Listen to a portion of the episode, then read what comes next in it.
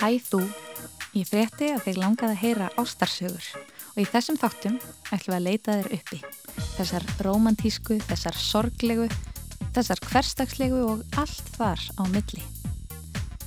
Við gengum tvö í rökkur ró og það er gott að elska. Leifðu sálþinni að leika við mig því það er engin eins og þú.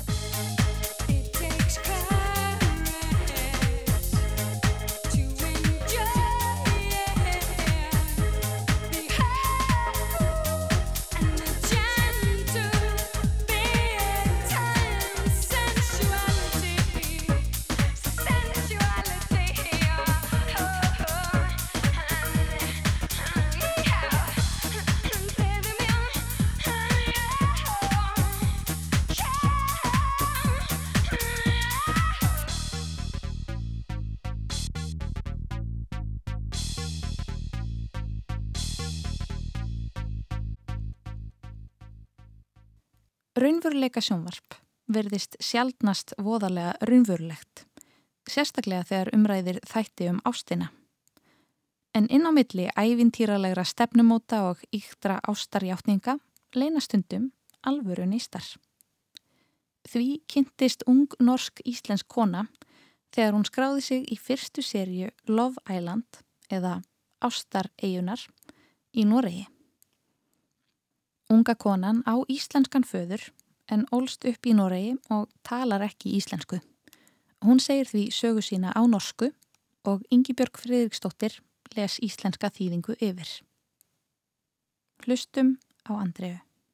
Jeg søkte på Love Island selv. Ég sótti mér Love Island því ég vissi að ég væri alveg rosalega lélega í að teita. Jeg var veldig, veldig dårlig til å date.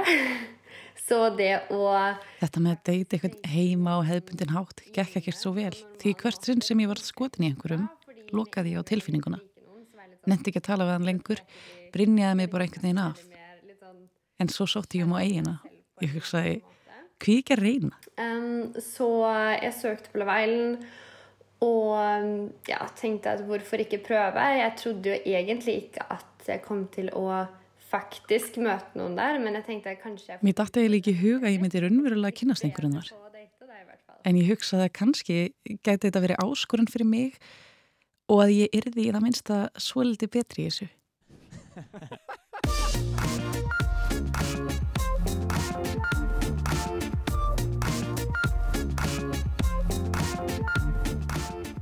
Nei, det var den aller første sesongen av Love Island i Norge. Þetta var allra fyrsta þátturöðin af Love Island í Norri, alveg nýtt konsept. En það hljómaði skemmtilega að fá að ferðast til útlanda með fullta fólki, fara á stefnum út. Já. Pappa syns det Pappa fannst þetta ansi fínt og vonaðist til að ég myndi finna mér kærasta. Vinum mínum fannst þetta svona, já, já, okkur ekki, þetta er cool. Ikke det er kult. En þau höfðu enga trú á að ég myndi finna neitt. Þau voru eins og ég. Þetta mun ekki gerast en þú myndi allavega að skemmta þér vel. Nei, de var sånn, nei, nei, det kommer til å skje, men du kan kose deg i hvert fall.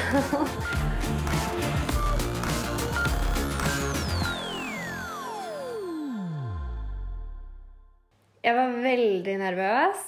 Um, Ég var rosalega stressuð. Sérstaklega vegna þess að um leiðum maður mætir þarf maður að para sig við einhvern sem maður hefur aldrei hitt áður.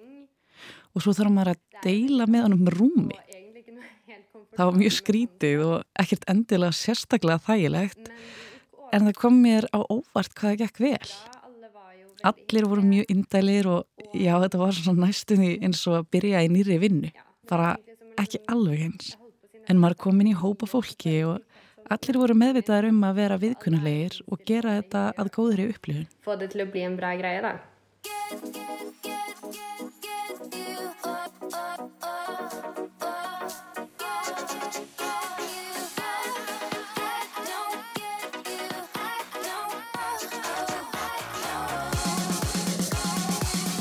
Stedet var kjempefint. Vi kom inn i en... Þetta var mjög flott staðsetning. Við gengum inn í rosalega flott glæsísi með útsýn yfir hafið. Það var afskægt, mikil náttúra og manni fannst maður alveg einn í heiminn. Bara við í þessari litlu villu og í upphafi leið okkur eins og við værum bara vinahópur sem hefði leikt okkur villi og farið í ferðaleg. var en vennegjeng som hadde leid en villa og dratt på tur. Første dagen så skulle Fyrsta daginn var stelpunum stilt upp í röð og svo kom einn og eitt strákur inn.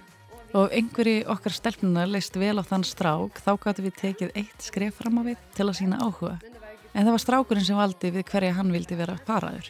Så jeg ble valgt Ég var valin í fyrsta skipti sem enginn af stelpunum steg fram. Þá fekk strákurinn að velja og það var bara tilvílinn að hann valdi mig. Hann þurfti jú bara að velja en þekkti enga. Hann var virkilega indall.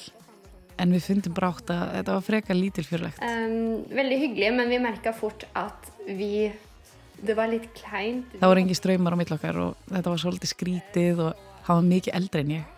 Hann var líklega 32 og ég var bara 25 svo já, þetta var skrítið. Og da var vel jeg 25. Så um, ja, det var, det var rart.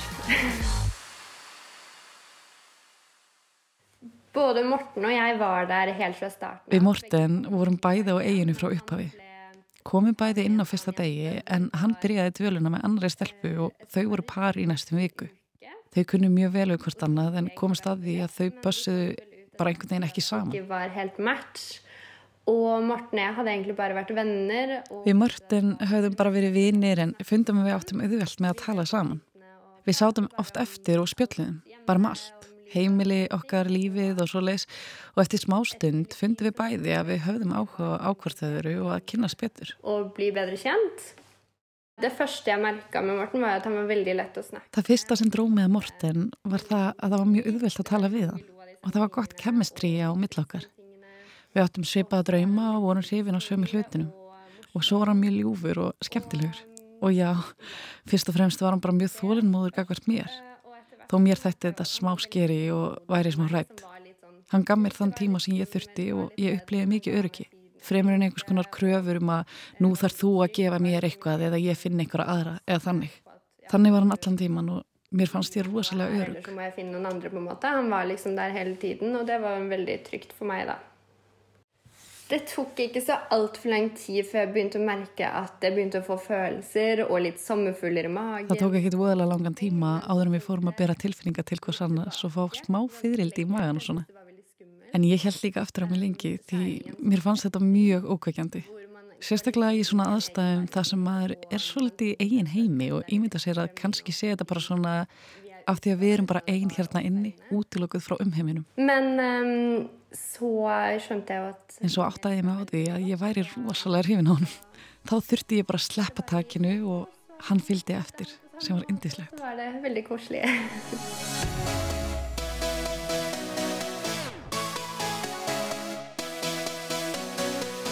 Så ehm, vi ble til slutt et par, men før det Svo að lókum urðum við par. En fyrst þurftum við auðvitað að hætta með þeim sem við vorum þá þegar pöruð saman við. Svo við dömpum þeim og ákveðum að vera par. Sem gekk bara mjög vel. Og det gikk jo veldig bra.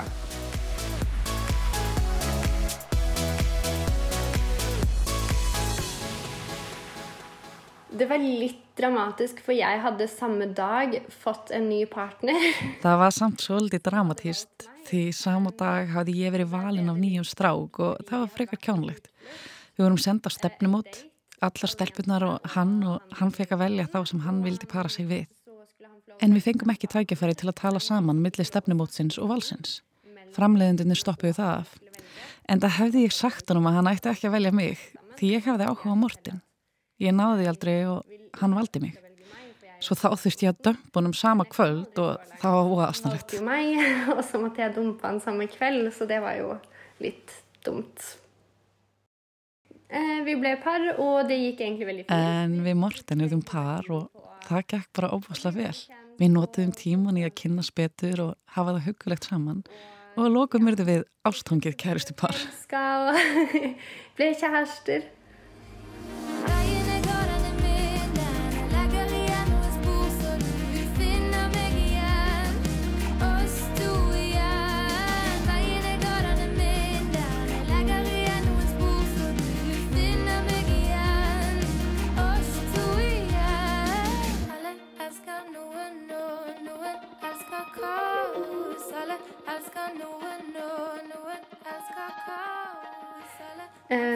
Det mest romantiske inne på Love Island var helt mot slutten. Rómantískasta augnablikið í þáttunum var rétt undir lokin. Við vorum þrjú pör sem vorum eftir og áttum að flytja hverju öðru ástarífilýsingu. Við áttum að skrifa ræði til hvers annars og halda hana fyrir framann alla, sem var einstaklega stressandi. En þegar það kom að því þá var það bara óbúslega fínt. Ég held ræðina mína til Mortens fyrst og ég sá að hann var mjög hræður. Svo held hann ræðu og ég lokin á henni spurði hann hvort ég vildi vera kærast hans. Og ég sagði sjálfsögðu já. Så, og jeg sa selvfølgelig ja. Svo það var klárlega það allra romantískasta. Det var kjempe, kjempe, kjempefint.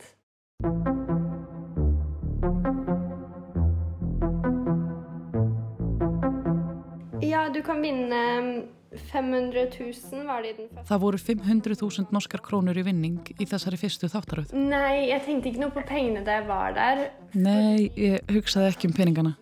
Þetta var allra fyrsta þáttaröðin svo þegar við skráðum okkur vissum við ekki hvers konar verðlun er því bóði eða hvort það yrði einhver verðlun yfir höfuð. Við fengum ekki að vita af þeim fyrir en við vorum komin ansi langt í þáttaröðina. Svo fyrir það hugsaði maður ekkert út í það. Og ég var eiginlega ekkert með það í huga. Ikke det i tankene heller, for jeg trodde aldri at vi kom til å vinne. Við dætt aldrei í huga að við myndum vinna. Því það voru tvö önnur pör sem höfðu fundið hvort annað í fyrstu tilraun og verið saman frá upphafi. Svo við Morten hugsaðum aðalega, jú, jú, við höfum fundið hvort annað og ef við erum sendt heim, þá höldum við bara áfram þar. Ikke så får vi bare fortsette hjemme på en måte. Eh, Det var jo finaledag, og da var det livesending, så det var ganske skummelt. Húslita þátturinn var í beinni útsendingu sem var frekar stressandi. Allir hini þættinir voru teknir upp fyrirfram, en núna var þetta svolítið meira ekta, með alvöru þáttastjórnanda og kvikmyndatöku vélum og svo leis. Um, og så var vi jo tre par i finalen. Við vorum þrjú pör í úslitum þar sem eitt parið var kosið út fyrst og þá stóðu hinn tvö eftir. Så vi kom oss videre fra første runde. Við komumst í gegnum fyrstu umferð og svo kom að úrslitunum sjálfum. Við vorum ansi vissum að hitt para myndi vinna. Því það hefði verið saman frá því í fyrstu vikunni og talaði um að flytja einsaman og eignast börn. Voru búin að gera plön langt inn í framtíðina. Skulle flytte sammen og, få barn, og var veldig langt fremme i planene. Men så um, var det vi som vant, så vi ble jo En svo unnu við Og vi var skikkelig, skikkelig overrasket, og det kan man se. og við vorum hreinlega fyrði lostin. Það sést á upptökunum. Morten fellir í jörðina og ég held höndunum yfir andlitinu. Við skildum ekkert og þetta var brjálaðislega óvænt. Það er svo indislegt að fólk hafi haft trú á okkur. Því það eru áhörendur sem kjósa og velja sigurvera. Folk hadde tro på oss, for det er folket som stemmer og bestemmer hvem som vinner.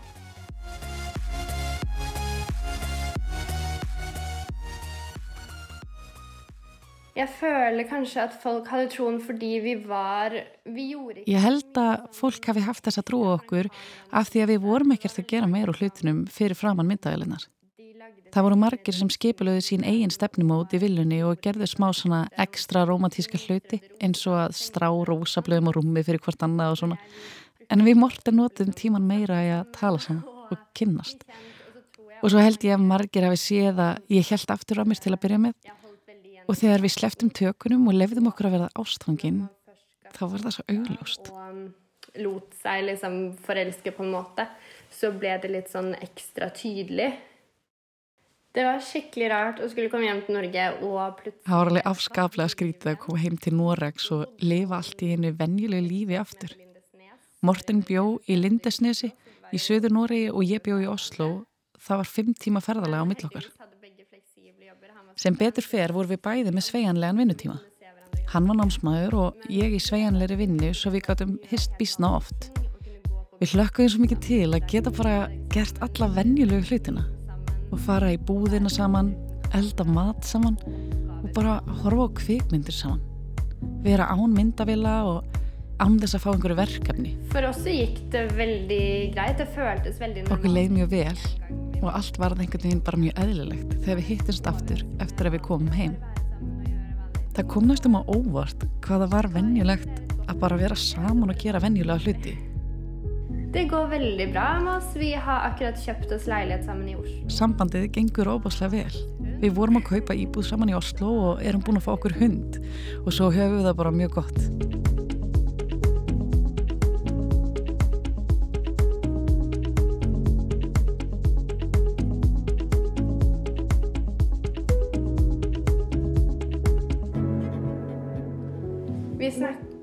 En del om Love Island i starten.